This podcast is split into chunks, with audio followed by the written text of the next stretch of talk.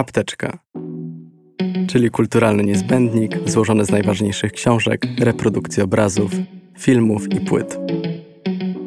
Moich rozmówców i rozmówczynie pytam o to, co przynosi im spokój, napędza do działania i ratuje w momentach kryzysu. Nazywam się Mateusz Ressler i zapraszam do słuchania cyklu. Apteczka. Kasia Smutniak. Patrzeć ponad murami.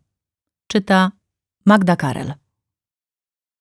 Miejscem, z którym czuję się emocjonalnie bardzo związana, jest Mustang w Nepalu. Podróżuję w Himalaje od 20 lat. Na początku robiłam to ze względów osobistych, można wręcz powiedzieć, że aptecznych właśnie. Od 2016 roku pojawił się jeszcze jeden ważny powód. Działa tam szkoła dla lokalnej społeczności, którą wybudowała moja fundacja Pietro Taricone Onlus. Kiedy odwiedziłam ten region po raz pierwszy, poczułam się, jakbym już kiedyś tam była. Bez żadnej przyczyny, zupełnie sama potrafiłam być tam szczęśliwa. Nie jestem pewna, czy umiem to racjonalnie wytłumaczyć. W natłoku codzienności łatwo jest stracić sens. Kiedy jest się na wysokości 4000 metrów, zupełnie zmienia się punkt widzenia. Ciało reaguje inaczej. Każdy kolejny oddech może okazać się wyzwaniem. Choć życie w takich warunkach nie jest łatwe, to sprowadza się do podejmowania bardzo prostych decyzji. A problemy, które wcześniej wydawały się nie do rozwiązania, nagle okazują się zupełnie błahe. Podobnie jest z lataniem. Pochodzę z rodziny lotników. Mój ojciec był pilotem wojskowym, a ja skończyłam kurs szybowcowy w wieku 16 lat. Za każdym razem, gdy oddalam się od ziemi, czuję ogromną ekscytację. Nie jest ona wcale związana z prędkością czy wysokością, na jaką się wznoszę. Nie chodzi tu też o adrenalinę, tylko znowu o odmienną perspektywę. W górze patrzy się przed siebie, na niebo.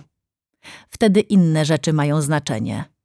Tam nie ma gonitwy, niezliczonych zadań i zobowiązań, trzeba być skupionym na tym, co tu i teraz. Dzięki lataniu nauczyłam się też dostrzegać wartość nawet w prozaicznych chwilach.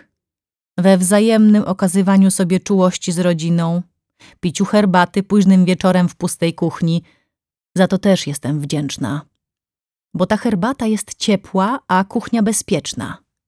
To luksus, na który nie każdy może sobie przecież pozwolić. Z tego względu zdecydowałam się wyreżyserować mur. Wstrząsnęło mną to, co wciąż dzieje się na granicy polsko-białoruskiej. Nie jestem lekarką, prawniczką czy aktywistką. Nie chciałam jednak pozostać obojętna, dlatego sięgnęłam po jedyne narzędzie, jakie miałam do dyspozycji. Mój dokument powstał z poczucia bezradności, ale też z pełną świadomością własnego przywileju. Mogłam go zrealizować, bo miałam wsparcie Marelli, Bombini, współautorki zdjęć i scenariusza – odpowiedni sprzęt, fundusze i kontakty. Głęboko wierzę w to, że filmy mogą pomóc zmienić świat. Jako osoba związana z kinem muszę w to wierzyć. Jeśli przestanę, nie będę już mogła opowiadać historii. Długo zastanawiałam się nad tym, co i w jaki sposób chcę tym filmem przekazać. Pracuję z emocjami od dwóch dekad i nauczyłam się, że czasem nie warto pokazywać wszystkiego. Nie chciałam nikim wstrząsać, paraliżować do bólu.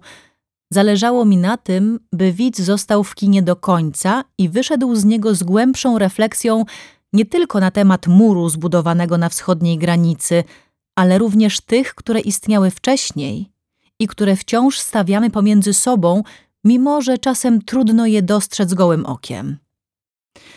Kluczem do tego okazała się szczerość. Podążyłam za instynktem, i opowiedziałam tę historię przez pryzmat własnych doświadczeń oraz tego, co przeżyła moja rodzina. W trakcie poszukiwań odpowiedniego języka dla filmu przypomniałam sobie również o wierszu Czesława Miłosza Campo di Fiori. Pamiętam go jeszcze ze szkoły. Już wtedy zrobił na mnie wrażenie, tym razem jednak zyskał zupełnie nowy wymiar. Również dlatego, że mieszkam tuż obok tego placu w Rzymie. To, co zostało w nim opisane, popchnęło mnie do działania. Bo czy da się szczęśliwie żyć blisko muru, za którym płonie świat? Śledząc reakcje społeczne na ostatnie wydarzenia, doszłam do przykrej refleksji, że wielu się to udaje. We mnie nie ma na to zgody. Wierzę, że zmiana zachodzi wtedy, gdy nie odwracamy wzroku od krzywdy. Rozmawiał Mateusz Ressler.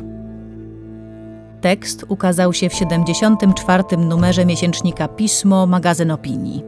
Czytała Magda Karel.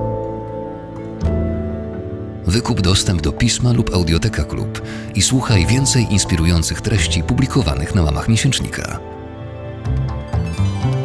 Materiał zrealizowany we współpracy z Audioteką.